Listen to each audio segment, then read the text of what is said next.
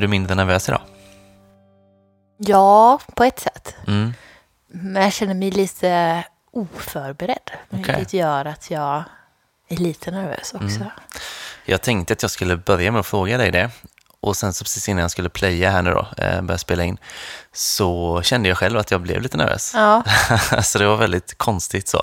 Eh, Men vi var ju lite nervösa senast ju, eh, Ja. för den som inte kommer ihåg det. Men att det var liksom nypremiär och sådär. jag med också upprymd på något sätt. Liksom nervös blandat med, för, alltså som en skolstart. Typ. Ja, lite, Lite så förväntansfull, Ja. kanske lite så spänd. Ja, men precis, jag håller med. Eh, Men det är två veckor sedan nu. Ja, Eh, Har du gjort något gött öligt sen senast? jag tror inte det. Jag har varit eh, sjuk, så jag har varit lite under isen ett par dagar. Mm. Typ, så jag har inte...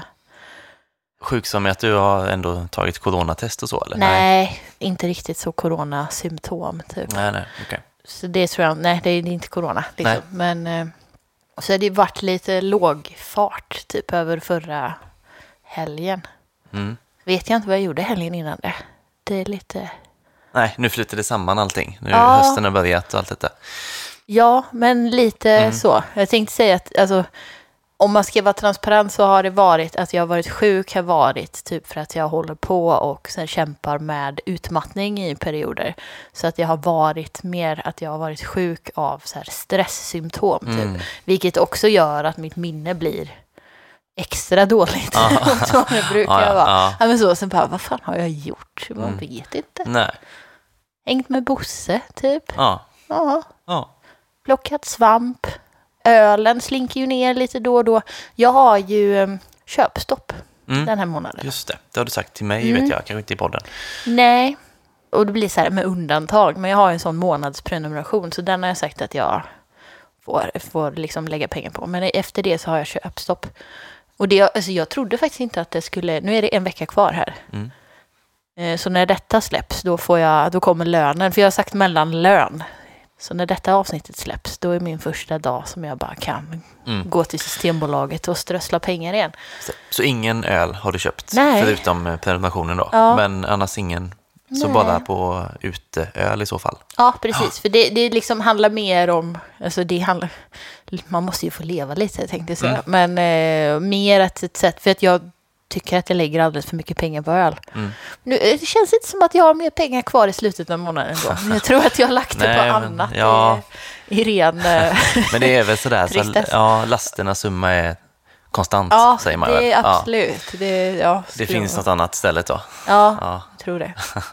Det var hos tandläkaren, det kostar också pengar. Det är tråkigare pengar än att lägga dem på öl. Men... Ja, Ja, du skulle köpt öl exakt. så här i efterhand.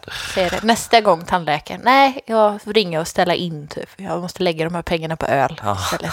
Det är roligare. Ja, de kommer förstå det. Ja. Du då, har du... eh, Eh, ja, men jag har varit på två bryggerier Jaha, faktiskt. Eh, ja, ett i veckan. i Göteborg? Eh, ja, båda två i Göteborg. Ja. Eller ish Göteborg, för det, det ena var ju Vega då. Eh, Just eh, på Ringön, och det är ju Göteborg, absolut. Du provar en alkoholfri eller? Exakt, var provade den. Eh, den var jättegod. Ja. Alltså, typ det bästa alkoholfria ölen jag druckit. Kul. Eh, heter ju First Try då. Och det var också första gången jag testade den. Ja. Eh, Första, deras första försök på alkoholfri också, antar jag. Ja. Eller? tror faktiskt inte att det är det Nej. dock. Eh, eller så är det den första de har gjort, fast de har liksom gjort en liten twist på den och liksom gjort om lite grann i den, liksom, så det är inte exakt den de gjorde första gången. Mm. För de har haft den innan, jag tror till och med de har haft en alkoholfri på eh, ölstudion på fat. Just det. Eh, så, men det, det kan vara denna, fast som sagt att de har jobbat om den lite grann nu, för de har Ah. bytt bryggare och sådär också sedan Mm. dess. Eh, men jättegod, verkligen. Har inte förra bryggaren börjat jobba på ölstudion? Jo, han Ja, jobbar där. Precis. Precis. Ja. Mm. Eh, Så jag skrev faktiskt till honom på Instagram Mm. och så skrev jag det, eh, för jag tänkte att det kan varit hans recept nämligen. Och för jag skrev det, den var jättegod, är det du som har gjort den? Mm. Och då skrev han att eh, just den här har han inte gjort. Nej. Utan att det är en annan bryggare Ja, på Vega ja. som har modifierat malten eller något, så här Ja. skrev han liksom. Men så, här, alltså, så här, en pale ale slash IPA skulle Ja. jag vilja säga. Eh, väldigt så gott humlad, Eh, en bra balans och, och, och fylligheten tyckte jag var så här eh, imponerande också för att det kändes som att den skulle kunna haft lite alkohol i sig. Eh, det är alltid bra tecken tycker jag när man tänker att en svag öl smakar som en starkare öl. absolut. Men kanske ännu mer då när det är en alkoholfri öl. Ja. Så den var toppen och eh, den finns väl bara på Vega-restaurangen. Ja, för den tänkte fråga, den finns bara på fat eller finns den? Mm. Ja. Än så länge, men de kollar tydligen på liksom hur de ska kunna sälja den på ett bra sätt eh, utanför bryggeriet också. Mm. Eh, så förhoppningsvis så kommer den och eh, det hade varit kul om de fick snudd på det ju. Verkligen. Eh, det är det vi har varit inne lite på någon gång innan att småbryggerier mer och mer gör alkoholfri öl. Mm. Och det är lite spännande där ju för att det känns som att den är lite som folkölen var för några år sedan så här liksom att eh, det är mest i makro till en början Ja. och sen kommer hantverksbryggerierna och gör sin grej Ja. och så blir det liksom något helt annat. Där känns det som att eh, alkoholfri öl är just nu så det är ju Mm. spännande tider att leva helt ja, enkelt. men verkligen. Ja, och sen var jag ute på Oceanbryggeriet. Mm. Eh, de har ju öppet på onsdagar. Men Det är i Mölndal då, så det får ju gå som egen kommun tänker jag. Ja. Ja. Ja, men onsdagar har de öppet och säljer sin folköl. Så jag åkte ut dit och jag åkte ut egentligen mestadels för att de har gjort en eh, porter som heter Arbetarporter. Eh, som är en folkölsversion av en starkölsversion. Som, ja, starkölen heter ju Järntorgets Arbetarporter då. Och det är en sån klassisk eh, oceanöl då. Så jag var sugen på att, att testa folkölsversionen då. Och då är det så att den starkölsversionen är ju 9 Oj. Så det är en väldigt stark porter egentligen. Ehm, och att då skala ner den till 2,8 ljus som Ocean håller sig till som folköl så eh, det är en utmaning, tänker jag. Ja. Men jag var så här ganska förväntansfull och tänkte att det här är nog ändå en stil som de gör bra. Liksom, så att, eh, sugen på det. Har du testat deras eh, starkölsversion av den? Nej, Nej? Det tror jag inte. Nej. Men jag ser den framför mig, typ med Ja. en, eh, det är en röd eh, etikett. Precis. Lite så här kommunisthand, Ja, tänkte jag säga. just det, Men, eh, arbetar, ja. ja. Ja, Eh, med en man, muskulös man. mm, Ja. precis. En, en riktig arbetare helt En enkelt. arbetare. Eh, ja, okej, men eh, för jag tänker så här, jag ska inte prata så mycket mer om den nu, för att i Patreon-avsnittet som vi kommer spela in efter podden här, Ja. så kommer vi bland annat att testa den då. Ja. Eh, så jag tänker vi håller på den, och så vill man höra oss prata om det här så bli Patreon helt enkelt. Eh, stötta podden, få mer poddmaterial och så är man med i tävlingen då. Vi hade en tävling som vi lottade ut förra gången. Och vi eh, sa det då, vi säger det nu igen, vi, vi kommer ju vara mer frekventa med eh, tävlingar hoppas vi. Och, eller ja, hoppas, det bestämmer vi oss själva. Ja, så vi hoppas- är väl det helt hoppas enkelt. vi tar tag i oss själva. Jo, men det är, det är klart. Precis. Eh, och så kommer vi in på patreon.com då. p-a-t-r-o-n.com söker efter Folkpodden, trycker på Become a Patreon och så följer man de instruktionerna som, som kommer fram där då. En dollar kostar det, säger jag självsäkert nu. Jag är ganska säker på att de har gått över till svenska kronor nu. För vi har fått eh, några nya Patreons sen senast. Jaha, vad kul. Ja, jättekul. Och då, eh, då får jag mail när folk blir Patreons. Men är kronorna, alltså är det så här 10, typ? Nej, då är det 10. 10 kronor? Ja, det, det är det det står. Okej. Plinga upp på mejlen i alla fall. Men det står alltid att det är svenska kronor nu. Ja. Så jag tror verkligen att blir man ny Patreon så är det i svenska kronor. Mm. Eh, Så det kan vi säga framöver, att, att det är det som gäller. Jag tänkte slipper vi gardera oss varje gång. En, en, en nätt summa Mm. varje månad. Ja, ja, precis. Oavsett valuta då. Ja. Ehm, ja, precis. Så 10 eh, kronor är liksom minsta som man kan höja om man så vill. Mm. Ehm, men då, då får man ta del av, av det vi gör med Patreon också då. Ehm, och sen har vi våra tygpåsar som vi brukar marknadsföra. Ehm, är man Patreon så kan man köpa dem för 80 kronor eller två för 150. Och är man inte Patreon så kan man också köpa och då kostar en 120 och två stycken kostar 200 kronor. Då. Eh, så rabatt för Patreons. Så man kan bara skriva till oss på Instagram eller Facebook. Vi heter Burkar och flaskor där då. Mm. Eh, något mer du vill tillägga? Nej. Nej. Vi går vidare till spaning kanske.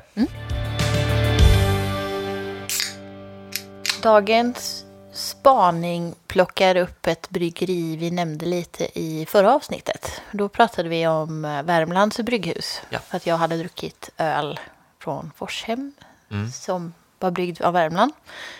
Och Värmlands brygghus ligger i eh, Kristinehamn de har eh, ganska länge varit i konflikt med grannkommunen i att de eh, inte fick tillstånd i att sälja deras eh, folköl på så kallade rekoringar. Mm. Och för den som inte vet vad en rekoring är så är det typ som en liten ett sätt att typ handla och stötta sina lokala producenter. Typ att man kan liksom åka och handla som en liten marknad, typ, fattar jag det som. Eller liksom att man Ja. kan dels förbeställa sina varor och plocka upp, hämta dem på en viss plats. Och liksom, det handlar om att stötta de lokala, en liten lokal marknad kan man väl säga, Ja. med eh, mat och folköl då i det här fallet. Eh, grannkommunen eh, tillät inte det här.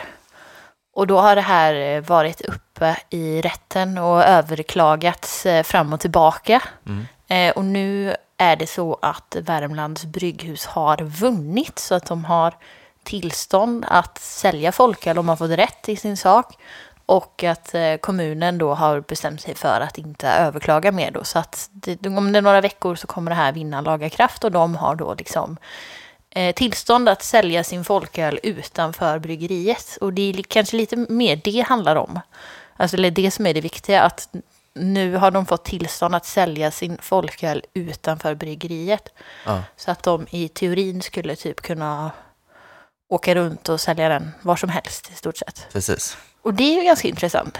Ja, det är, alltså det är ju det är intressant och sen är det också intressant tycker jag att eh, det- här är liksom den ständiga problematiken med folköl känns som. Att det liksom, ja, Motarbetas. Nej men. ja, ja, så kan man se det, men också liksom att det är ju samma lag i Kristinehamn som i Karlskoga, så va? ja. Ehm, men att det tolkar olika. Och Mm. det känns väldigt så här, typiskt för folköl att det är så. Mm. Ehm, så problemet känns, känns vanligt på något vis. Ehm, sen är det ju väldigt bra som det blev nu. Alltså att de har utmanat och tagit det så långt liksom. Och fått en dom på det här. Ja. Ehm, och att det då i domen verkligen står, verkar det som att folkölsförsäljningen inte är knuten till tillverkningsstället för bryggerier. Då. För det får man också tänka in att det här gäller ju bryggerier eh, som tillverkare. Ja. Det är ju inga, inga butiker som har med det här att göra egentligen, utan det är ju bryggerier i sig. Då. Men det är ju eh, jättebra såklart och, och kanske liksom ett, ett bra steg på vägen mot att folkölen ska bli friare liksom. ja, men eller hur? Och en rättvisare och mer jämn bedömning över hela landet eventuellt. Som jag fattade, eller för man läste, det var ett annat eh, bryggeri för eh, ett tag sedan också då i Skåne, Åhus, som hade råkat ut för liksom samma sak, att kommunen ville sätta stopp för det. Och då använde kommunen det här Värmlandsfallet som en referens till att varför de inte tyckte att det skulle vara tillåtet också. mm. Eh, Men i samband med det, för det var ju också en artikel på Beer News, och då uttalar de sig, eh, alkoholgranskningsmannen hade sagt att, så här, att det borde vara lagligt så länge man följer liksom två regler, kan man säga. Och att, eh, eller två krav, och det är att man ska anmäla försäljningen till kommunen Ja. och att man ska ha ett egenkontrollprogram. Vad nu, det är väl, jag vet inte riktigt hur det är. Checklista på att man gör rätt, typ. Ja, Eller ja, att man gör en- rätt att man säljer till folk som får köpa och sådär. Ja. Alltså med åldersgräns och så. Ja, att man följer saker. liksom så här, ja. Ja. En säker försäljning så. Så att jag tänker då om, om, om det är liksom det som kommer vara kraven för att... Det är de grundläggande kraven för att få sälja folköl var man vill. Ja. Så är det ändå intressant och så här... Då tänker jag att det, alltså, man- visionären i en blir ju... Det, borde, det känns som att det kan öppna ganska mycket möjligheter. Mm. Precis, och den artikeln i Bernius, jag, jag fick verkligen, alltså utan att vara liksom insatt i juridiken så, Ja. och hur exakt det går till, så eh, verkade det som att det här eh, fallet och den här domen eh, också kan användas av andra bryggerier runt om i Sverige Ja. och liksom peka på Jag detta. tänker på, här, på samma sätt som så här, Åhus stoppades av Mm. att de hänvisade till att de inte, alltså till den här Ja. grejen, så kan man nu hänvisa till att bryggeriet faktiskt har fått rätt i slutändan. Precis. Och kunna se, och se på det liksom, inte som, en inte som ett bråk utan som ett resonemang. Typ. För Mm. det, som jag fattade så var det det kommunen ville ha fram. De ville liksom pröva de ville inte det. mucka egentligen. De nej, ville, utan de nej. ville liksom man tar, alltså så att det ska gå rätt till och pröva det. Mm, Och så är de nöjda. För ja, Nu har du utretts liksom. precis. Så det var väl bra. Ehm, för vi har ju ett exempel här i närheten också med, med Rådanäs Ja. bryggeri som ju under pandemin, jag tror bara de gjorde det en gång, kanske två, Mm. körde en, en bil då i närområdet där ute.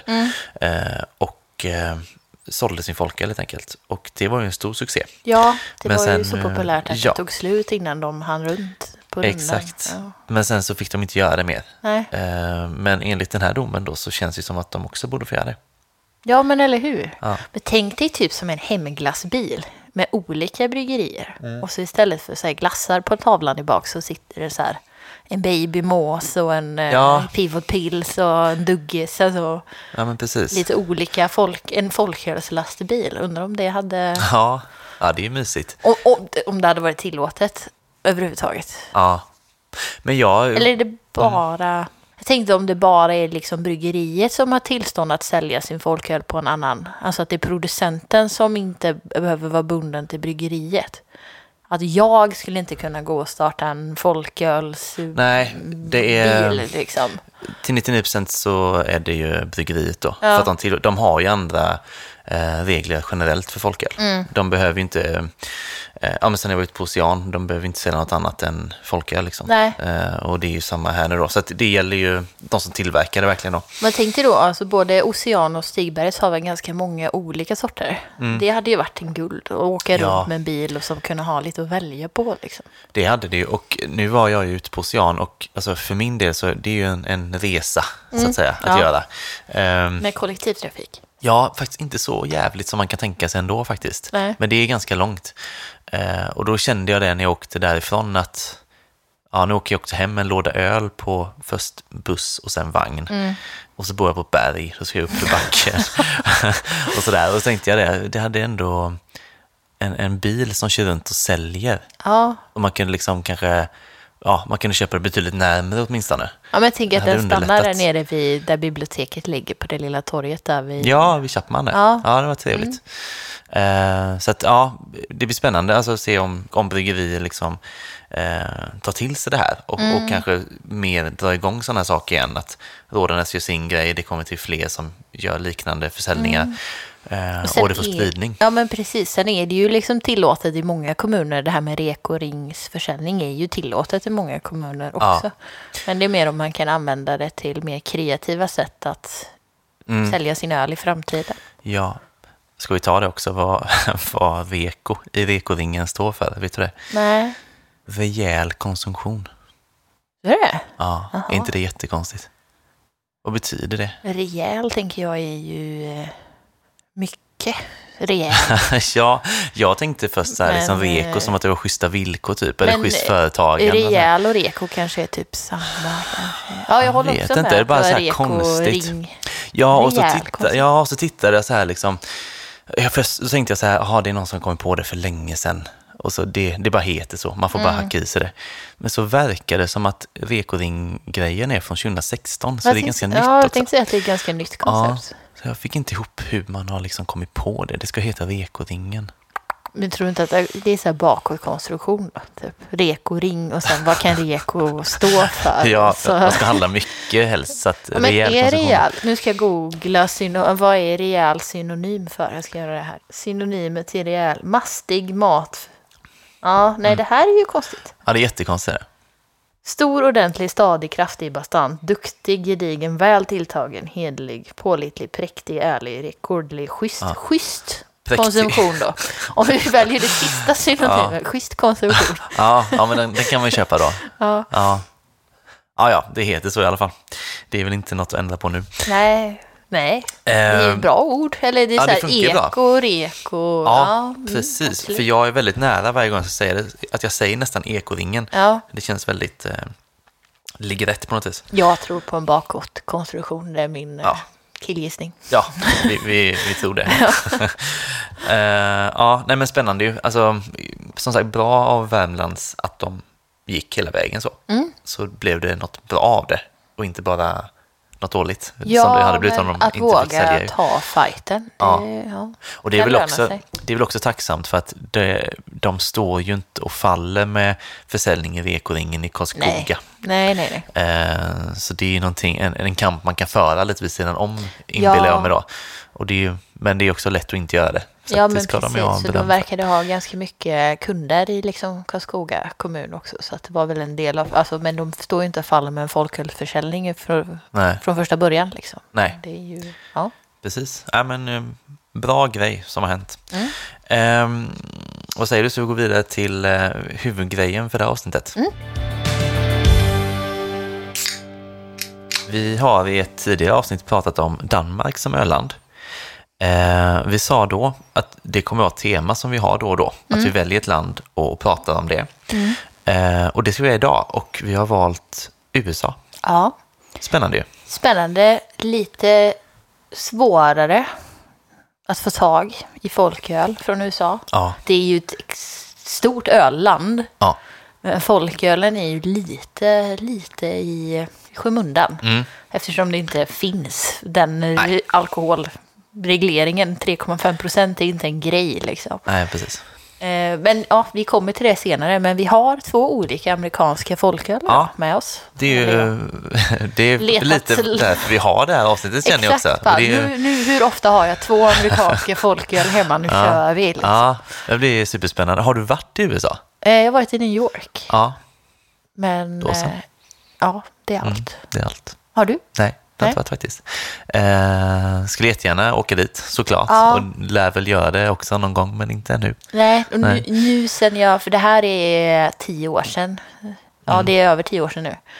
Och då var jag inte så inne i craft beer-scenen. Nej. Då var det ju, jag ska åka till New York och jag ska titta på arkitekturen och jag ska shoppa. Vad Mm. det jag skulle göra. Om jag ska åka till USA nu, då vill jag ju titta på arkitekturen och dricka bärs. Ja, liksom. gärna samtidigt. ja gärna Ja, samtidigt. det är det bästa. Ja. ja, men eh, bara för att liksom börja detta och eh, få lite bakgrund sådär. Ska vi börja med lite historia kanske om Mm. USA jag. som öland? USAs ölhistoria började på 1600-talet när invandrare från Storbritannien började brygga ale och porter i det som sen skulle komma att bli då östra USA. Eh, USA grundades ju 1776. Mm. Eh, och det här är alltså, det är ju öl som, den känns ju väldigt brittisk, ale och porter, Ja. snarare än amerikansk. Liksom, så det är kanske inte det man tänker på idag, Nej. när man tänker amerikansk öl. Och sen på 1800-talet så var det dags för invandrande tyskar att introducera lagerölet också i USA. Och det är ju såklart Jaha. en eh, stor, viktig händelse med tanke Verkligen. på lagerölets storhet. Då. Ja. Men det som jag tycker det börjar bli intressant på riktigt då, det är liksom att hoppa fram till 1900-talet. Eh, för då kommer vi till perioden 1920 till 1933 som kallas för budstiden. Under den tiden så var det förbjudet med tillverkning, transport, import, export och försäljning av alkoholhaltiga drycker i USA. Det som var okej, det var öl som var max 0,5 procent. Så det är gränsen för alkoholfritt på Systembolaget. eh, Kunde, kan, kunde man ens göra det på den tiden? Ja, det är tydligen så. Men de fick inte kalla den för öl heller, utan de kallar den för near beer ofta. Near beer. Det är bra namn Nära ändå. öl. Ja, Ja, så det, är, nära. det heter ju Ja. ändå beer, tänker Ja. jag. Men eh, ja, okej. så här malt och humle slängt i vatten typ utan Ja. att det ska jäsa eller ja. ja, Ja, bra fråga, för det är Ja. så pass länge sedan ändå. Så Men att de kunde göra alkoholfri öl så pass tidigt Ja, alltså. precis. Man är lite, så lite nyfiken på hur den smakar Ja. också. Blir de bra på det? Skulle ju vilja tro att dagens alkoholfri öl är bättre. Ja, jag vill också tro det. Närmare öl. Men eh, man tar ju vad man har då, Ja. om man inte får ha någonting annat. Eh, sen blev det också så här, liksom, ett steg sen längre fram för att slopa det här förbudet så blev det tillåtet med öl som motsvarade 3,2 procent. Så det är ju folköl helt enkelt. Ja. Det var Ja. det man fick göra ett tag i USA. Eh, men sen till slut, då, 1933, så hävdes förbudet och så blev det lagligt igen. Då. Mm. Men det var ju ändå, Vilken jävla fest det måste varit. ja eller hur? De poppade all eh, Herregud, 0,5 procent öl de hade kvar där och så, nej, men eh, det var precis, vilken jävla fest ja. Ja. och att det är så här, det man tänker nu med restriktionerna, Ja, så här, ja. nu lyfts de, det är 29 september va? Ja. Eh, Så bara, då är det ganska mycket fritt fram igen. Men det här är liksom så här, eh, också ett sånt specifikt datum då Ja. ju, att nu får ni, nu får ni köpa öl. Ah, herregud, vilket fylleslag det måste varit. Alltså. Jag tänker att det finns ju folk som innan dess inte hade druckit öl ens.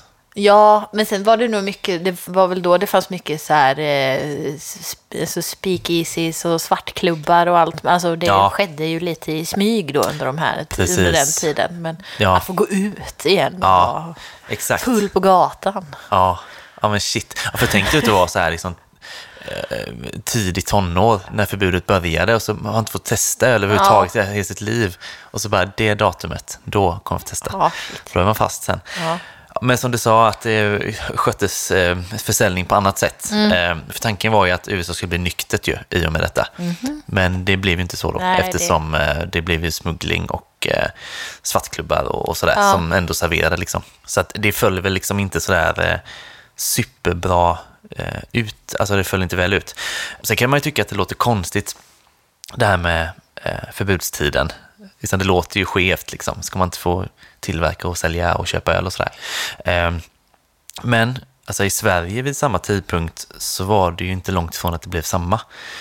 Det var ju... motboken och... Nej. Ja, alltså, det, det var ju folkomröstning Ja. om eh, rusdrycker i Sverige 1922.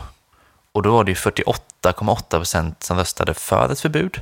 Och det var 50,8 procent som röstade mot ett förbud. Så det kunde ju ha blivit något liknande i Sverige. Men är det en religiös grej? Eller vad liksom? Alltså, jag tänker att det var en annan tid. Det är svårt att se att 50 procent av Sveriges befolkning idag skulle bara, nej, Ja. vi ska inte dricka Nej. alkohol. Tack och lov, eh, Ja. nej.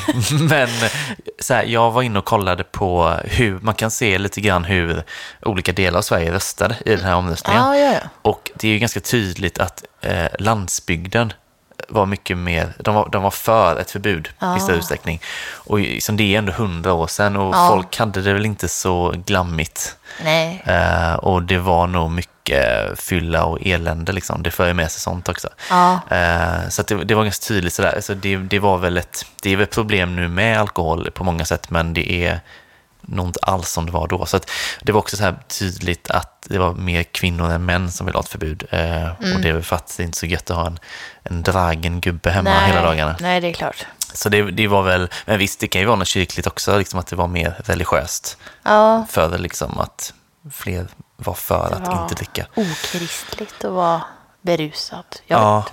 Ja. Så, att, alltså, ja, så det har ju varit ganska hårt i Sverige med alkoholpolitiken, sådär, ganska strikt. Mm. Alltid känns det som. Men eh, eh, ja, det var nära att det blev något förbud här med kanske då. Ja, men eh, vi Men slapp i USA så var det förbud. Ja, och sen precis. så blev det fest. Sen blev det fest. Men också då under förbudstiden så gjorde ju bryggerierna lite andra saker för att överleva.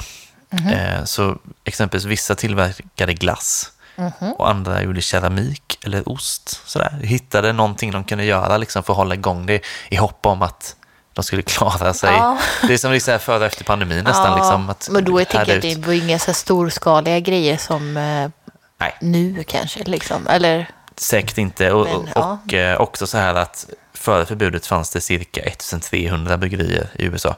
Och efter förbudet fanns det typ fem. Så Ja. det var ju hårt. Alltså, och det är klart, var får man de inte göra sin öl gjorde på så den många bästa år. glassen så... som Ja. överlevde. Ja, men typ så. Eh, så det slår ju väldigt hårt mot dem. Nu såg jag, jag kollade på någon lite nyare statistik, eh, att 8275 bryggerier i april 2020, så ett och ett halvt år sedan. Ja. Så de har ju hämtat sig kan man säga. Ja. så nu är det lugnt igen om någon var orolig. eh, men eh, ja, vilken, eh, vilken grej då. Att ha Ja. så totalförbud verkligen. Men nutid då? Mm. Eh, vad tänker du på för öl när du tänker på, på USA? Tänker du på ale och porter fortfarande eller? Alltså jag tänker på USA som landet där slagordet är typ more is more. Mm. Jag tänker att så här, USA överlag som liksom kultur och allting så är det allting så här extra allt. Typ. Extra stort, extra mycket allting. Och så känner jag att det är med ölen också. Att det är liksom extremt humliga ipor.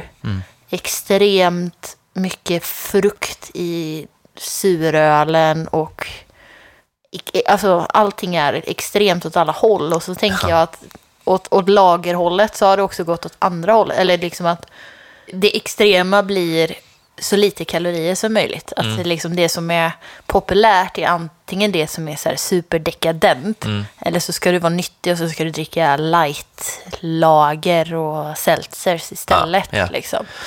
Precis. Det är väldigt stor skillnad mot Sverige som, där det mesta är lagom på något vis. Ja. Ehm, ja, men precis. Alltså det där svulstiga typ. Ja. Ehm, men också som du säger att det ska vara liksom, eh, ska det vara så ska det vara typ. Alltså ska det vara liksom ljus lager så ska den, alltså det, de räknar mycket kalorier så med liksom att det är så här Ja. 70% mindre kalorier och sådär liksom. Ja. Det, det ser man heller inte så mycket som i Sverige egentligen. Att, eh, det vet jag, en frågade mig innan jag skulle öppna butiken om vi skulle ha lågkaloriöl.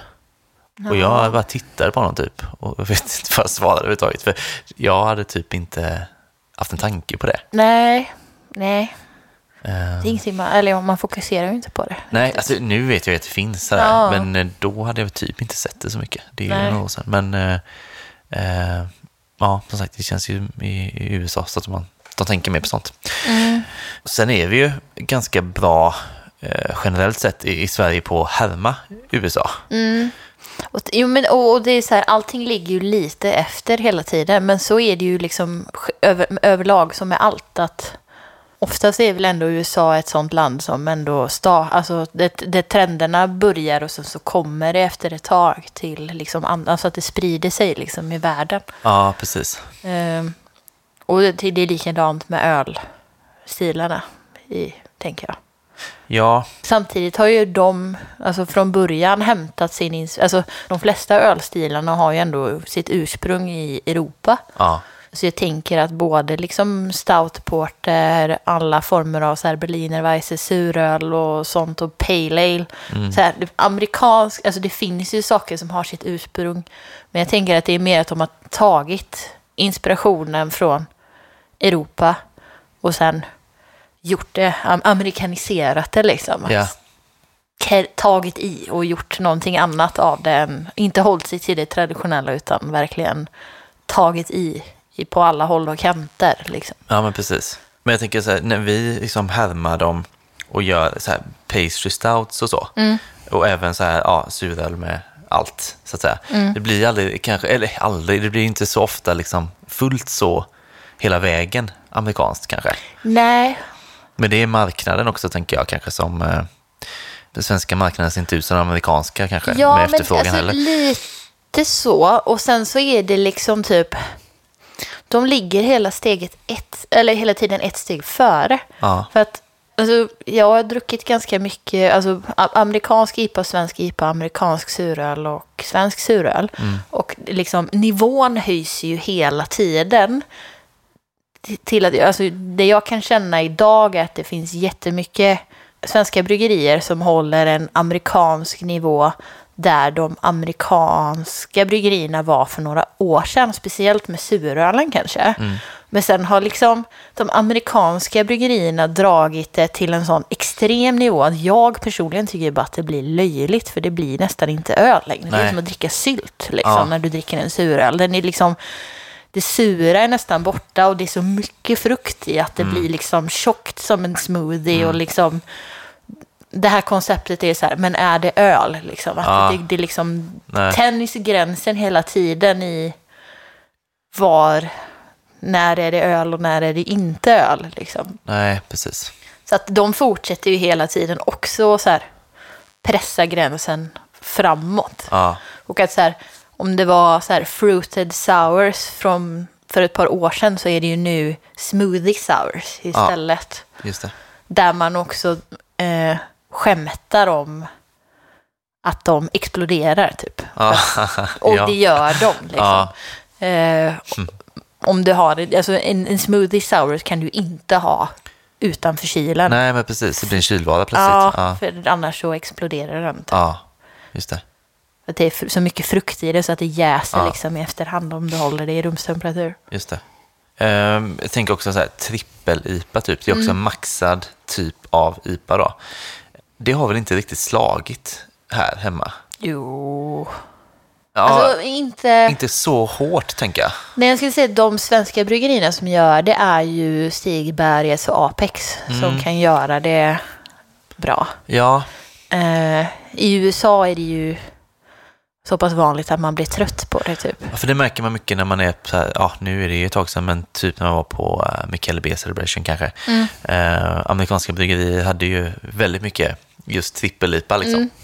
Eh, tydlig eh, grej ändå, att, att det liksom är någonting som de håller på mycket med. Eh, men jag tänkte mer på så här, dubbellipan tycker jag så hade en väldigt stark period här hemma.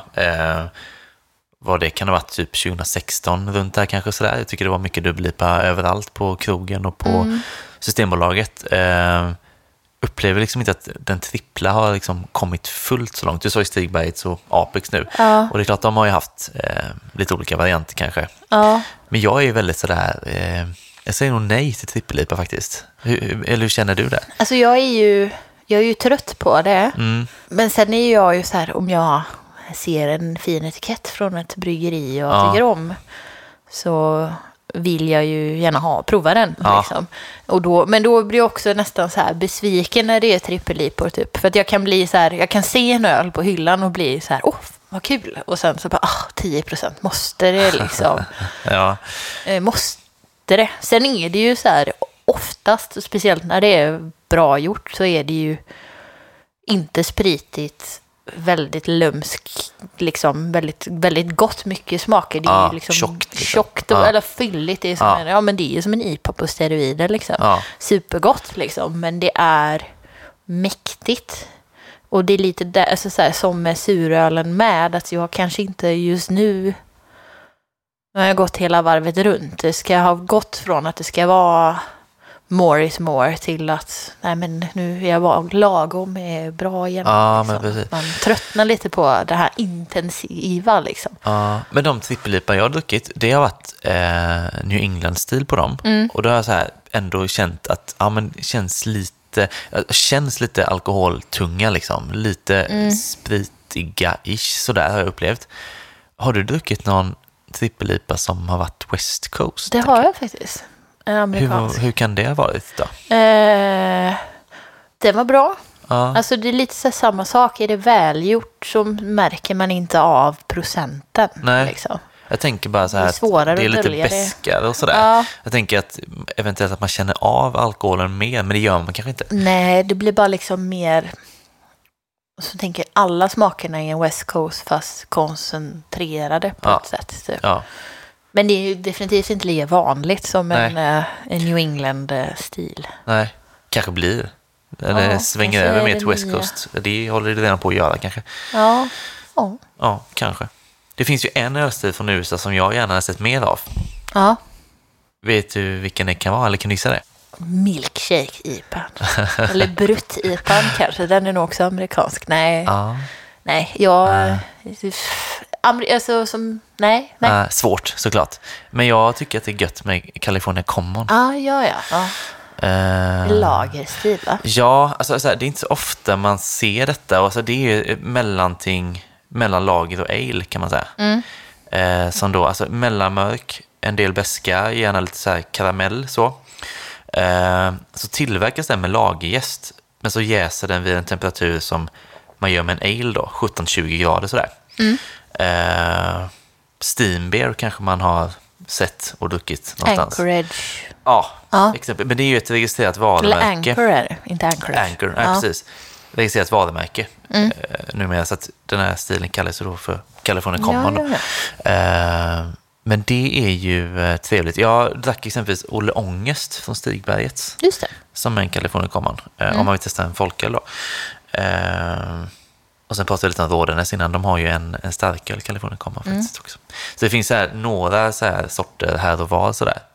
Eh, Olle Ångest tycker jag var god, men så här, egen smakpreferens så kanske att jag vill haft lite mer, så här, lite mer karamellig smak, lite Mm. mer beska liksom. Eh, för att den skulle vara helt hemma sådär. Men det är ju ja, det är kul med Stigbergs att han gör så mycket olika stilar så att man även kan hitta en California Common folköl plötsligt. Då. Verkligen. Så det var nice. Eh, ska vi prata lite hard seltzer? Ja, men det tycker jag. Ja. Vi har ju redan, vi har ju eh, pratat om det tidigare. Mm. Men det är ju väldigt amerikanskt, är det inte det? Jo. Och det är ju framförallt så att det har blivit väldigt stort i USA. Ehm, och alltså, som någon slags eh, repetition då kanske så eh, är ju hard seltzer alkoholhaltigt kolsyrat vatten Mm. som är smaksatt med någonting. En frukt eller sådär, hallon eller mango eller vad det kan vara.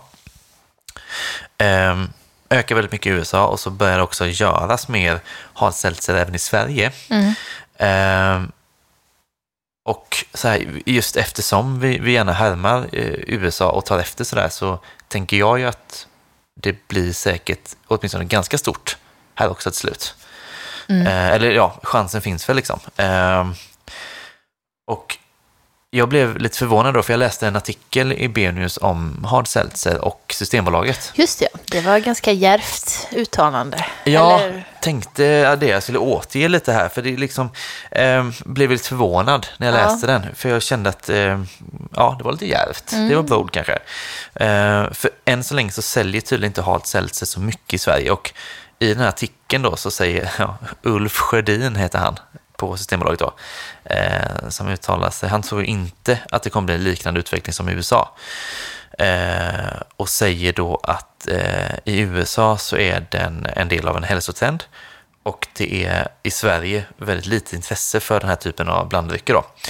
Eh, och sen avslutar han också med att säga att jag tror att svenskar vet att om man vill vara hälsosam så ska man inte dricka alkohol överhuvudtaget. Eh, och gud vad trött jag blev på honom kände jag. Jag tänkte säga att han har för eh, höga tankar om eh, svenskar. Tänkte, eller det är puritanska tankar. Eller vad ska man säga? det kan man nog säga.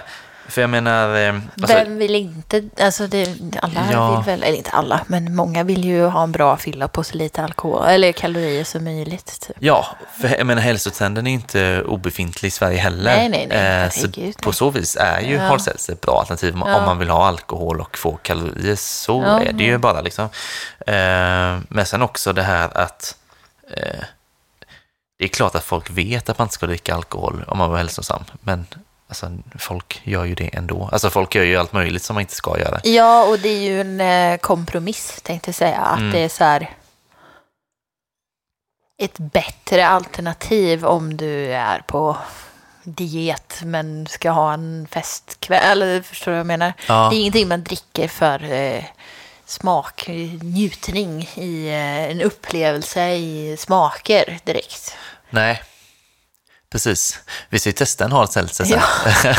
en en folköls... Eh, Ja, vi får tag på det. Så Vi det blir spännande. Vi kan prata om det mer sen, tänkte jag Ja, jag tror det kommer komma naturligt när vi Ja. sitter med den.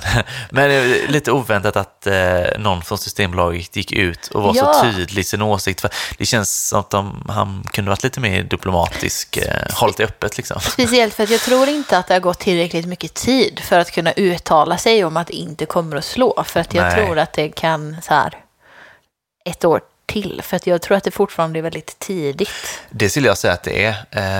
Eh, verkligen. Alltså det känns som att det, håller, det är startgroparna Ja. i Sverige. Ja, Eh, och jag vet inte exakt hur länge det har varit stort i USA, men nej, Det kan inte vara men- superlänge, nej jag. jag tänker liksom när man började se, om vi pratar liksom bryggerier och sånt, så finns ju Evil Twin, mm, eh, Mikkellers, Mikkel Mikkellers bror Jeppe Mm. eh, har ju bryggeriet Evil Twin i New York. just.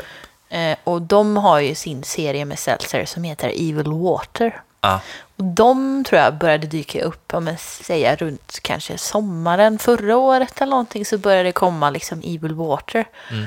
Och då tror jag att det började liksom få intresset ur i, öl, i ölnördarna började liksom reagera på vad är det här för jävla trams? Typ. Att det var lite det reaktionen eh, kom. precis. Så att mm, jag tror fortfarande, men det är ju det här hantverks... Alltså folk som är ölnördar är nog inte riktigt rätt målgrupp för seltzers. Liksom. Men det är där den började liksom komma in i debatten i, när- alltså när hantverksbryggerier börjar göra seltzers. Liksom. Hantverksseltzer är ju, ja. Mm. Ja. ja, det är ett ben till att stå på, Ja, tänker jag. ja. Och vissa bryggerier gör ju äh, läsk. Sådär. Ja, men Så att- precis. Och det är ju, jag ser det ju bara som ett sätt att överleva och att vara smart och följa konsumenterna. Det är ju inte nej, svårare än så. nej, precis. Man blir lite sugen på att testa nu. Det. Ja, eller hur? Har, du något, har du något mer du vill eh, avhandla och, och sådär innan vi går in på att testa USA-bärs helt enkelt? Nej, inte. Nej, alltså man kan ju prata hur länge som helst. Jag hade, vi skulle nästan, nu kan vi se retroperspektiv, men eh, man skulle ju haft lite fråge, frågelåda typ. Mm. För att det är så stort att Ja. det är svårt att Och avgränsa det. avgränsa Ja. det. Liksom. Precis. Kan ju Men- prata om så här, vilka bryggerier som har varit mest framtonade, vilka bryggerier som är mest populära idag, vilka, alltså det men Mm. ja. Det man kan säga sådär är väl bara här korta grejer som att det är 21-årsgräns för att köpa Ja. Mm. och bli serverad alkohol. Så det är ju hårdare än här på så vis. Eh, men ja, öl säljs i matbutiker, vin och sprit i liquor stores. Eh, Så är det ja, ja. just det. Så det är lite så, eh, upplägget eh, skiljer sig ju såklart. Det är väl inte, inte samma i så många länder. Men en, en stout, Mm. vad stark, är det procenten eller är det kategorin på öl? Det vet du inte. Ja, den är väl i matbutik liksom. En stout på typ Ja. 12 procent kan du köpa en. Ja, det tror jag nog. Eh, Vin och sprit ska det vara, bara i de här liquor storesen då. Så att jag tror att du kan nog ha en eh, superstark öl. Mm. Eller ja, jag vet inte det här med Nej. säkerhet, men jag, jag tror det. Eh, det känns väldigt svenskt att dela upp det efter procent. Det känns inte så amerikanskt och de får Ja. nog döna på med sina öl. Ja, men vadå, det är är 40 procent. Ja, det är öl med sprit i. ja. Eh, nej men då så, ska vi helt enkelt, eh, ska vi börja med, eh, nej vi tar inte seltsen först kanske. Nej. Nej. Nej, vi vi tar öl först. Ja. Börja med öl. Ja. Yes. Först ut idag. Det här är fina grejer alltså. Ja, idag är det Det- lyxigt faktiskt. Ja, ja, dumt att börja men samtidigt så är det den största flaskan. Eh, vi har alltså en eh, öl som heter Le Petit Prince Ja. från Jester King. Det är ett eh, bryggeri från Texas, Austin. Eh, och det här är alltså en farmhouse table beer på 2,9 procent. Le Petit Prince, vet du, det är också en barnbok. Har du Är koll det på? H.C. Andersen eller? Nej, den är Nej. nog fransk om jag Ja, gissar lite. Ja. Jag vet inte vem det är som har skrivit den riktigt. Men Nej. det är ju en, eh, en känd barnbok. Det finns en väldigt fin animerad film som heter The Little Prince Ja. också. Som är liksom eh, som knyter an till den här historien. Jättefin om man vill ha tips på film och leta efter. Om man Ja. kan få tag på den. Mm. Eh, det här är ju alltså en stor flaska på 750 milliliter tror jag det är. Mm. Jag har haft den ett tag och suttit och väntat på rätt tillfälle att öppna den. Ja. Eh, köpt på, jag tror att det var på Drickbeer, amerikansk sida. Den har funnits på Mikkeller ibland också. Mm. Kostar runt 150 kronor kanske. Mm. Så inte en billig, men det är en stor flaska. ja. Och väldigt festlig sådär ju. Och etiketten är fantastiskt fin. Jag kommer nog lägga upp den på Instagram eh, så att man kan se den. Det är Ja, svårt men att förklara. precis. Den är alldeles så här guldskimrande och fin också. Ja, den ser liksom eh, påkostad och ja, premium ut, Ja, allting. Och det känns som att innehållet också kommer vara det. ja. Mm. och så Jessica King är ett bryggeri som gör, alltså de har ju varit med på, alltså Farmhouse Ale är ju egentligen ganska, ja, men, som en saison, lite stalligt. Mm. Men det kan också vara eh, i surölsspektrat. Ja. Så att det kan liksom vara ganska belgiskt och stalligt och också likna en, en, en fin eh, torr eh, Berliner Weisse också i, i liksom spektrat kring vad en farmhouse ale kan vara. Mm. Och Jester King, de var med på Mikkeller Wild Ale Celebration som var den sista riktiga ölfestivalen jag var på innan corona kom. Liksom. Det var i februari som kom coronan i mars och stängde ner allting. Eh, Och då drack jag öl från dem där som jag var jätteimponerad av också. Och då är det mer åt det så här, lite surare, syrligare hållet. Liksom. Just det. Den är gul, Ja, lite grumlig. precis. Och den luktar väldigt likt våran öl. Ja, det är den. Den är väldigt intensiv i doften. Ja, Och den har ju den här lagrade, alltså vinägertonen, ska man kalla det det? Det är en svår doft att sätta fingret på. ja fast den luktar ju liksom inte vinäger tycker jag inte. Men den Nej. har den här Fanken Mm. och den här lite lemonad, citron Ja.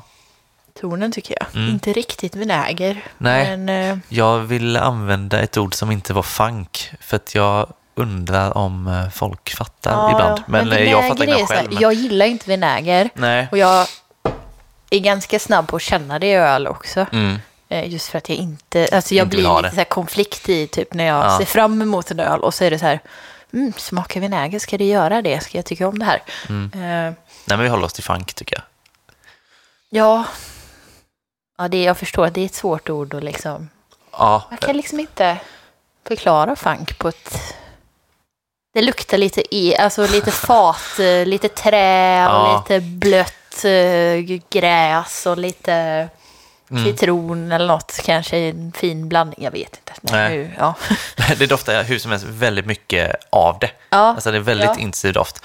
Eh, och som sagt, 2,9 procent är ju svagt alltså. ja. Så att eh, så här långt väldigt imponerad måste jag säga. Mm. Så vi testar också.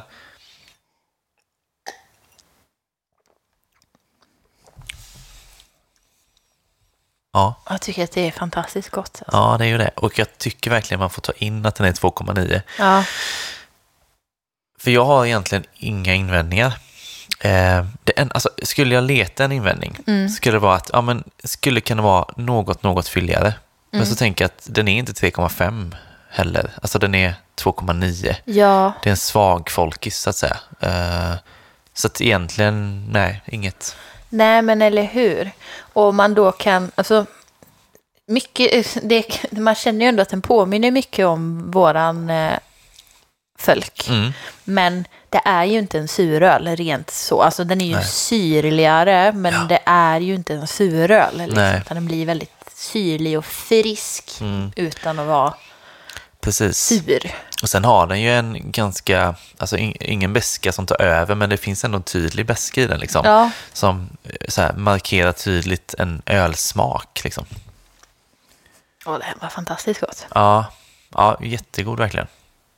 Mm. Man får väl liksom... Citru- eh, cit- citrus, eh, det är mycket alltså citrontoner i det som Mm. gör att det blir lite surt och syrligt. Men Precis. Nu blir det ju väldigt svårtillgänglig öl att få tag på det här. Ja. Men är man liksom, man, man skulle ju kunna hålla koll på eh, olika sidor och se om Ja. det liksom finns någonstans någon gång. Och jag kan ju tipsa, för att jag fick ju, jag vet inte, det var någon tråd någonstans som det dök upp en sån här, vilken är den bästa folkölen du har druckit, eh, tråd på Ja. Facebook, tror jag det var. Och sen så läste jag den. Och så var det en kompis med Alex, som har The Attic Meadery. Han tipsade om den här, att det var den bästa folkölen han hade druckit. Mm. Eh, och då ville jag jättegärna prova den. För att jag hade ju druckit Jesse King innan och tyckte de var jättebra. Mm. Eh, och då kan jag tipsa, de flesta kanske vet om det, men inte, kanske inte alla. Men det finns en sida som heter beerizer.com tror jag det är. Eh, beerizr.com. Mm. Eh, och där kan man liksom, det är en, så- man kan säga att det är som en samlingssida för typ alla webbshoppar som levererar. Så man kan ställa in sökfunktioner då. Men så dels har de alla släpp som kommer på Systembolaget till exempel. Men om du är ute efter en specifik öl så kan du söka efter den där. Och så, så letar det är som en egen sökmotor för eh, öl. Om du är ute Mhm. efter en specifik öl. Mm. Så då kan du hitta den. Och så kan du då se vilka webbshoppar den finns på och jämföra priser direkt på den här sidan. Ah, bra. Så finns den så, och du kan få tag i den så att den kan skickas till Sverige så är den största chansen att göra det enklast via beerizer.com. Bra info. Mm. Mm. Grymt. Det var så jag hittade den. Ja, snyggt. Eh, vad säger du? Ska vi sätta betyg på den? Eh, ja, det kan vi göra. Ja. Jag ser ju fem alltså. Ja. Det finns inget annat. Det finns ingenting jag saknar. Nej. riktigt. Nej, precis. Och jag satt så här och tänkte, hur hård ska jag vara? Ska jag vara stenhård och sätta 4,75? Men så bara, varför det? Alltså, den är jättegod. Ja, Eh, då tänker nej. jag så här, jag kan dricka den som den är. Jag kan dricka den till mat. Jag kan dricka den en vardag själv. Alltså man kan dricka 750 milliliter och inte bli berusad. Och man kan nej, ta det som precis. på en helg som en fin... Alltså, Det är bra, för man kan, så här, det är en väldigt vänlig flaska att dela. Såklart, med storleken. Men eftersom det är så svag med så liksom, man behöver inte vara rädd för att öppna en sån på en person. Nej. Och att man måste liksom hälla ut eller liksom försöka trycka tillbaka korken Nej. och sånt gammalt knep. Utan det går ju att dricka den själv också utan Ja. att bli konstig av det såklart. Eh, nej, Lite men, dyr, men prisvärd skulle jag ju säga, absolut. Ja. Och svår att få tag på, vilket synd. Men hade, ja, den kommer ju aldrig komma in på Systembolaget eftersom det är en 2,9 procent. nej, och kanske inte heller på lokala ICA. Nej, det hade varit något. Eh, men det är ju lite det som är. Ja, nu har vi ju tre saker vi ska testa idag. mm, Seltzen är ju ganska lätt tillgänglig, men de andra två, som sagt, det är ju svårt ja, att hitta amerikansk folköl. det är det ju. Det är ingen lätt uppgift. Men man kan väl säga så här generellt att de gör ju mycket bra öl i USA. Så Mm. får man liksom möjlighet att köpa någon amerikansk folköl så kan det vara kul att testa. Ja, och det här är, jag tror att det är bland det första som jag testar utanför en festival i alla fall. Ja, precis. Jag har ju druckit lite brittisk folköl. Ja, Eh, men där känns det som att det hör mer till traditionen. Ja. ja. Precis, de har ju lite den eh, lågalkogrejen Mm. för sig. Eh, och också det är närmare till England. Alltså det Ja, kanske också spelar in liksom absolut. sådär lättare att få tag på. Men som vi sa lite tidigare, USA det är antingen så här 10 procent eller noll. Ja, Det precis. Antingen extrem. kalorier eller noll Ja, kalorier. precis. Ja. Ja. Så man får välja vilken sida man vill vara på. Ja, Två femmor. Mm. Och vi tar öl nummer två. det gör vi. Andra på tur idag. Vi har ju suttit och hypat den här seltzen här, men den kommer ju sist idag. Har vi hypat den verkligen? Ja, det är hypat. Skräckblandad förtjusning. Eh, andra ölen ut idag, amerikansk från eh, Florida, tror jag det är. Wakefield. Eh, och den här, nu, nu sa det precis innan, vad fan heter ölen? För att hela burken är kolsvart. Mm. Och så är den tryckt på, men du måste hålla den i rätt ljus för att kunna se att det är ett motiv på. Ja. Och det är en, en, en eh, hund, jag skulle säga att det kanske är en dobermann eller något liknande. Ja. Eh, och ölen heter No Days Off. En 3,5 procent sour ale med mango, hallon och elektrolyter. Som är... Elektrolyter är ju då alltså typ någon form av salter som man har i Ah. sportdryck typ för att in, om man så här inte ska bli uttorkad när man eh, Okej. för att hålla rätt vätskebalans i kroppen. Typ. Mm. Så man skulle ju nästan kunna kalla det här för sportdryck. Ja, verkligen. Hur stark var den sa du? det? 3,5. 3,5. Mm. Vad eh, intressant att eh, det finns 3,5. Jag tänker eftersom inte folköl finns i USA så hade den kunnat vara 3,3 eller Ja, men eller 3,7 hur? eller sådär. Det är coolt att den är Ja. 3,5. Jag har druckit en folköl från eh, Wakefield faktiskt innan eh, på eh, Brewers Beer Bar. Ja. Hade det eh, en gång. Ja, säkert flera gånger, men en gång när jag var där. Eh, också en suröl. Var den grön eller? Den var illgrön, Ja, ja. jag här Key Lime Slime Pie. eller vad den Ja, så var det till ja. och med. Ja, det var länge sedan så jag har Ja, glömt vad den ja, hette. ja, Men ja. ja, något i den stilen, ja precis. Tänkte säga att i alla fall i Göteborg så är nog Wakefield mest tjänst. Eller i Sverige, jag tror att de har en ganska stor fanbase i Sverige just för att de har varit på All In Beer Fest. Mm. Och på Bruski Val kan man dricka deras öl. Mm. De gör ju, de är nog mest hypade för sina stouts. Och för typ, eh, dels, dels sina suröl också. För de har en som de är kända för som heter eh, DFPF, tror jag. Ja. Som står för typ drakfrukt, passionsfrukt. Mhm. Eh, som var ganska tidig eh, i det här surölshypen i USA. Typ. Ja, mm. Väldigt, drakfrukt har en väldigt intensiv rosa färg. ja, Så att det var nog därför den slog igenom lite. Men ingen drakfrukt i den här, Nej. utan eh, mango, hallon och elektrolyter. Yes. Den ser ju på färgen verkligen ut som en mango, hallon. Ja. Fint röd färg, ja, helt klart. så klar eh, röd liksom. Ja, verkligen. Ser, ser väldigt läskande ut. Och tycker skummet, på min i alla fall, vi har lite olika skum Ja. kanske. Eh, men det ser så här lagom tjockt ut för en suröl tycker jag. Känns väldigt fin och ja, jag känner på doften också. Det luktar väldigt mycket frukt. Ja. Eh, vad tycker du? Mango eller hallon mest då? Ja, hallon kanske.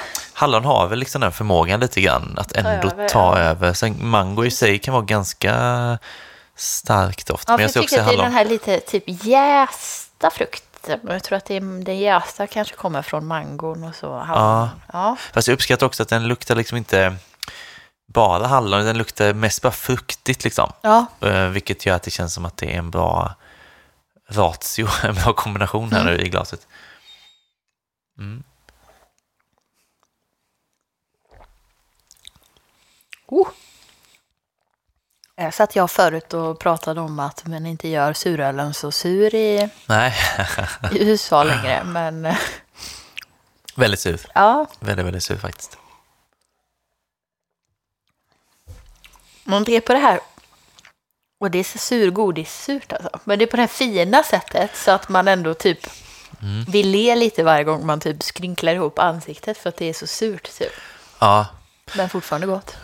men här känner man ju verkligen den här, eh, eh, när det så här ser ut så känner man verkligen den här effekten tycker jag, att det liksom eh, rensar munnen. Ja, Eh, den syran är det verkligen i det. Och så här, så här, jag tycker inte att det smakar liksom mängder hallon och inte Nej. mängder mango, men det är så här en god fruktig kompott liksom. Eh, och sen eh, syran liksom växer. Man tänker att nu tar den slut och så kommer det fortfarande lite syra. Väldigt långdragen. ja men verkligen.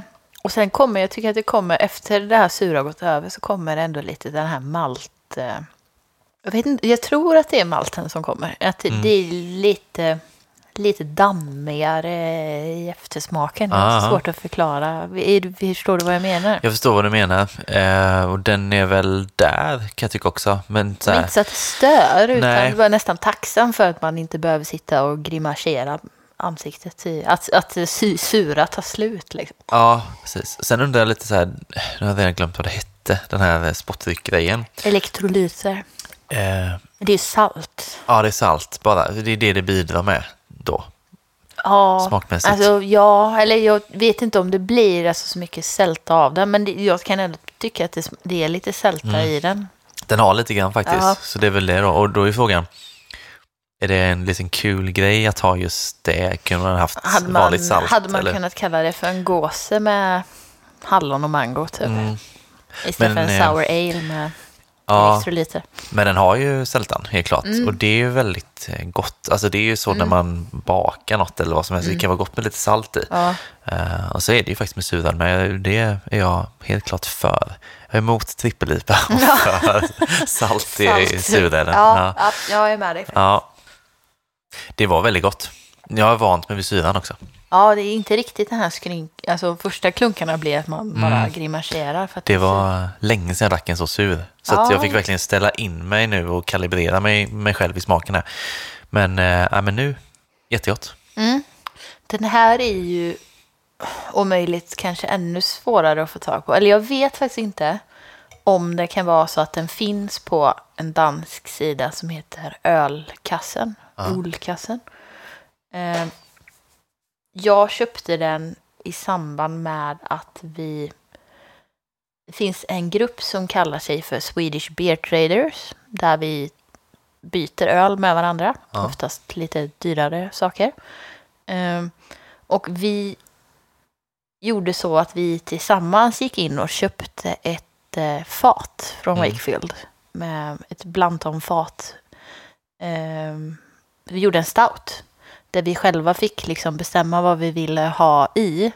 Och sen så gjorde Wakefield ölen och så fick vi bestämma etiketten och allt sånt.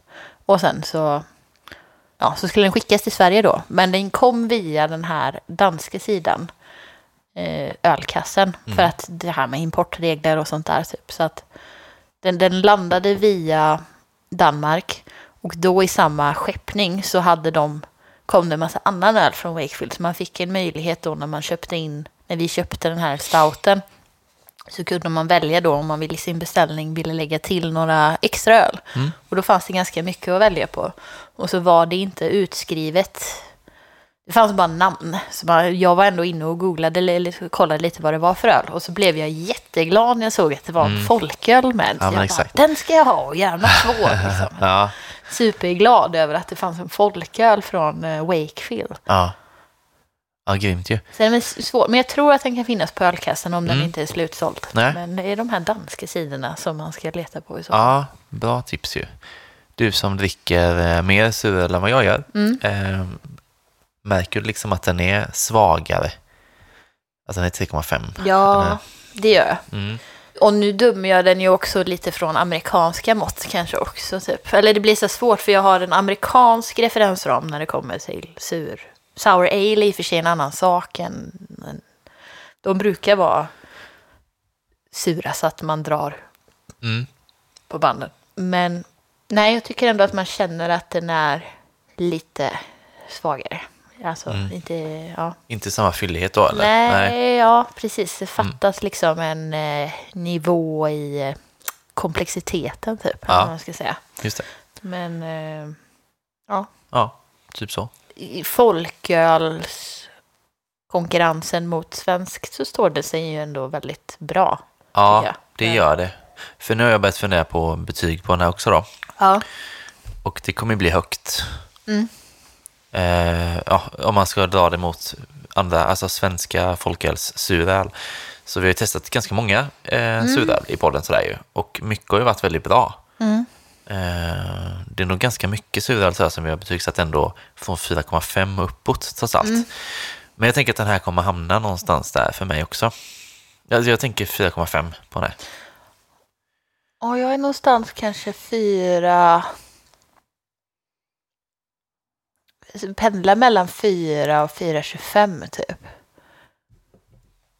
Men det jag kanske har med hallonen att Ja, göra som vanligt. Men eh, alltså jag tänker att det finns... Om jag tänker på, om jag tar svenska referenser som typ både typ Rubus och som Brino. Mm. Där man verkligen har fått ett så här poff, slag i ansiktet av fruktintensiteten typ. Mm. Så är den här lite mindre intensiv i sin fruktsmak. Ja. Men det är också en väldigt tydlig fruktsmak och en väldigt trevlig syrlighet. Mm. Så kanske 4,25 då. Ja, det blev toppen. Gött ju. Mm. Det var de två amerikanska ölarna som Ja. vi har nu idag då. Och nu har vi en grej kvar. Yes. Och nu ska det ske då efter att Ja. testa hard seltzer i podden. Eh, jag trodde aldrig det skulle ske faktiskt. Nej. Men eh, Nu händer det. passar ju bra den här gången.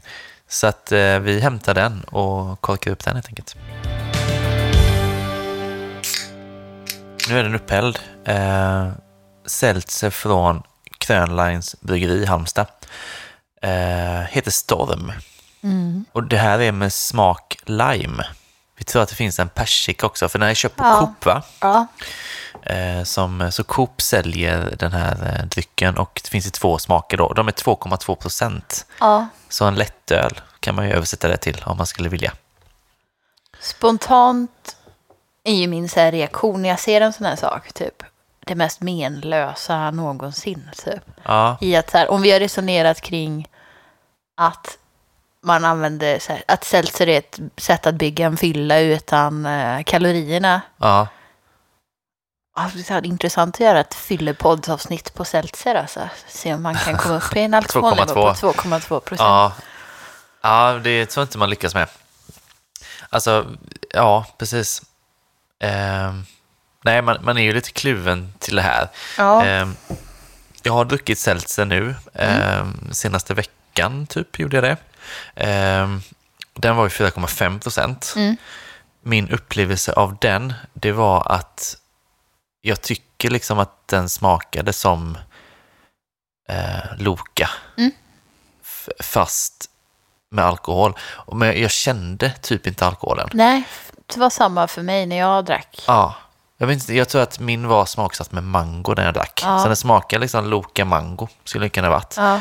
Eh, och det är ju så här, eh, känns konstigt att det var alkohol i det. Och jag tänker att det också, jag vet inte om alkoholen gav, kanske, alkohol kanske gav smak också, utan att jag tänkte på det. Alltså som en smakförstärkare av Ja. frukten då menar du? Eller? Nej, jag vet inte. Jag bara, så här, det, det kändes konstigt att dricka något som känns som vatten, fast det var ändå 4,5 procent, Ja. inte jättesvagt heller. Liksom. Nej. det, nej, jag, Jag tänker att det med är dig. lätt att få en, en snedfylla på seltzer, måste det vara. Eh, Ja, För sådana skulle man kunna dricka, alltså man dricker det som vatten, tänker jag. Och så, ja, ja. det måste vara lätt att dricka ganska många på kort tid om man skulle ha tillgång och alltså, sådär. Jag vet inte om jag pratade om det här i podden, men jag tror jag pratade med dig om det vid sidan av. Att för förra avsnittet så pratade jag om ölpölen-festen, Ja. så jag var på den. Och dagen innan så hade vi en eh, fantomprovning hemma hos mig. Mm. Så jag vaknade ju upp med världens bakfylla den dagen jag skulle på ölpölenfesten. Så liksom illa att jag var oförberett, men jag tror att det var för att jag åt lite dåligt.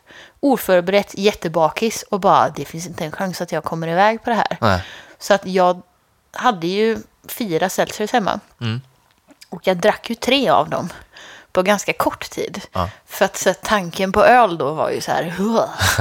Och, men jag behövde liksom bara komma i form för Ja. att vara taggad på att gå ut, träffa folk och dricka öl och liksom komma ikapp igen. Typ. Så det var som en återställare. Mm. Och jag drack tre stycken på ganska kort tid och jag kände ingenting. Nej, det var Men så. Ja. dels så har jag nog ganska hög alkoholtolerans.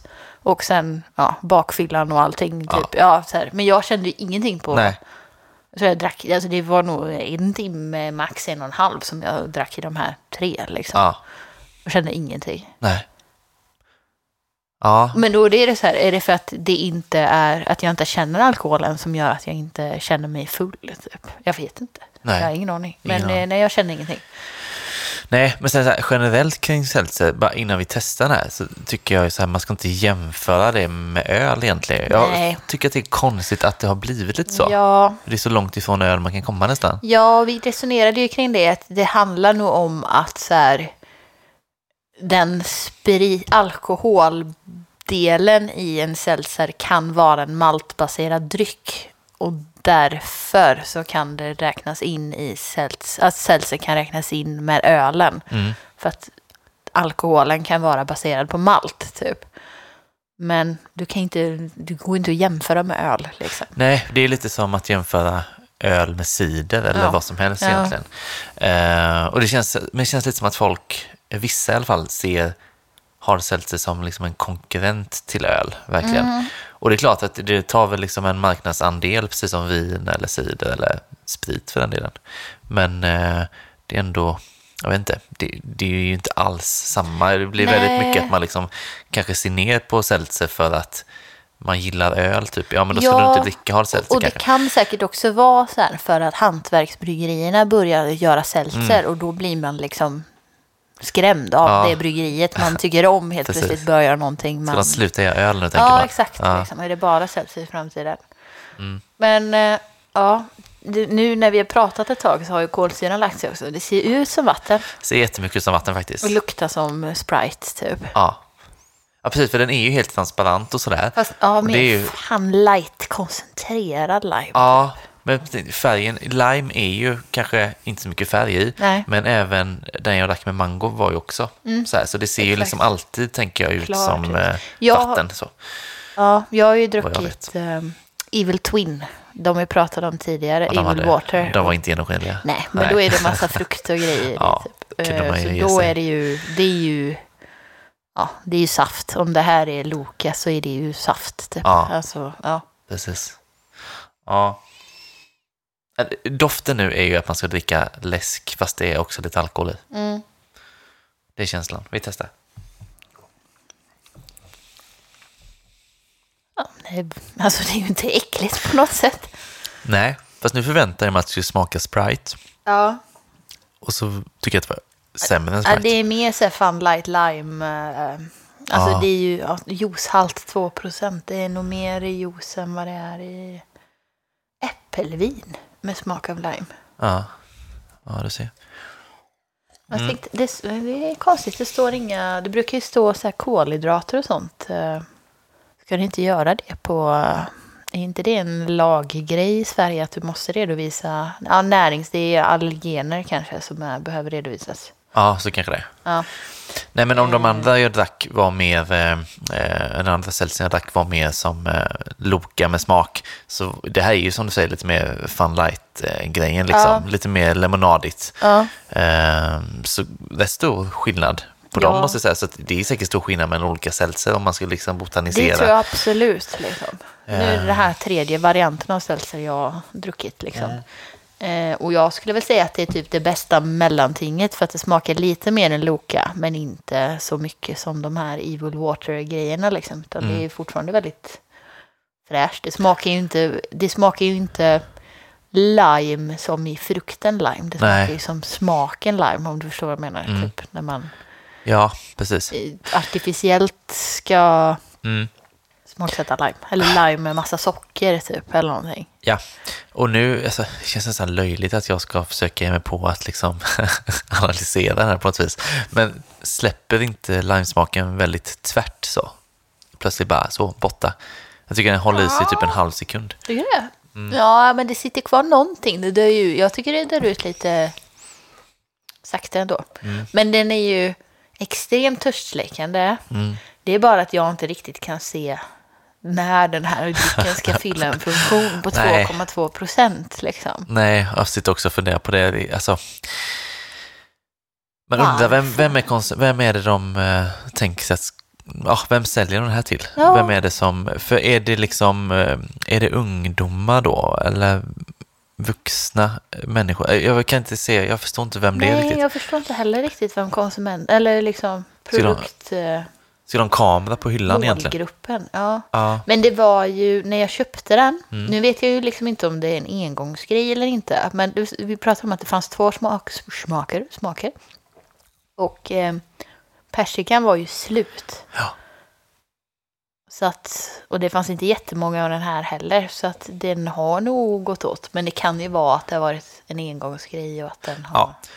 stått Kan vara så. Ingen Ja. aning. Men eh, också Coop, in, intressant. Eh, Mm. De har ändå börjat eh, jobba upp sin folk, hantverks eller folkölen eh, mer än bara Tingsryd. Typ. Ja, precis. Men eh, ja, precis. Alltså, ja, Men det här är makro va? ja Krönline är i makro, Ja. precis. Ja, nej men så här, jättesvårt. Alltså, vi kommer inte kunna betygsätta den här exempelvis. Eh, utan vi får bara så här, Finns det ens vi har druckit den. Nej, det är nog mycket omöjligt så här, att den... Nej, ja, det är svårt att betygsätta. Eller så här, jag kan sätta, det var jättegott. Men jag vet inte när jag skulle dricka det, för då hade jag hellre druckit det utan alkohol. Mm, Lite så här ramlösa med Fun Light Lime typ. ja.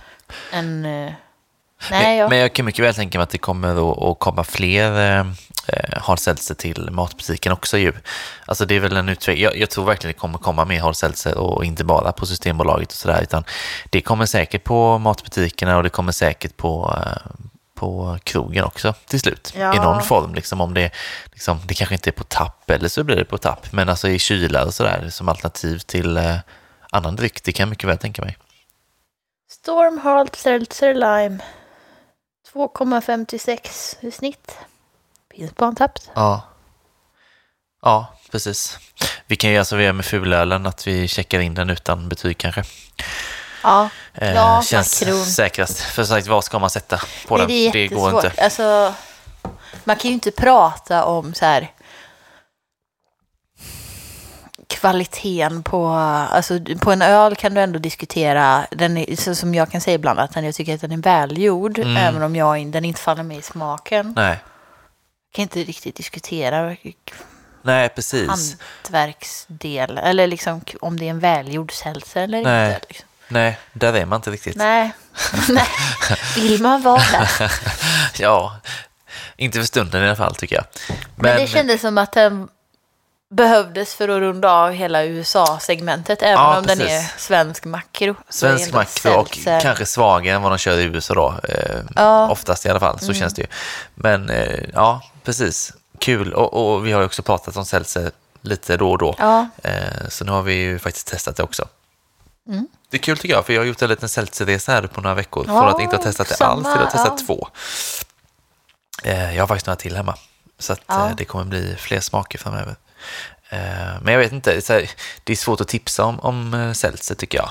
Eh, men tipset är väl liksom att det kan vara kul att testa åtminstone. Ja, man behöver inte oroa sig, eller det är om du inte typ gillar saft eller Loka eller något sånt. Typ. Ja. Men du behöver inte, jag tror inte att man behöver vara så orolig för att man kommer att tycka det är äckligt. Nej, det tror jag inte. Det är inte liksom bortkastade pengar på det sättet. Nej, liksom. nej, för äckligt att du är det ju faktiskt inte. ut Det är- Nej, nej, nej. absolut inte.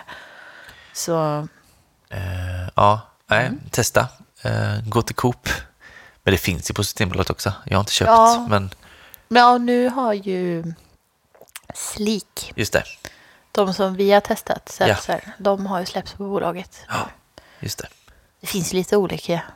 Absolut har nog också någon seltzer tror jag. Ja, de säkert ja. Ja. ja det blir Men det är också ett segment som jag inte riktigt känner att jag är sugen på att liksom utforska. Nej, man behöver inte göra allt. Lite Nej. så. Nej, Nej, man kan lämna vissa saker. ja, kan vara skönt. ja jag kan skylla på Ja. mitt köpstopp. Ja, det kan jag också göra. Ja, nej. Precis. Inga seltzer i september. Precis. Ja. No seltzer september. Snyggt. Eh, men så är det i alla fall. Vi eh, har ju testat allt vi ska testa. Ja, Eh, pratat om allt vi ska prata om egentligen också va?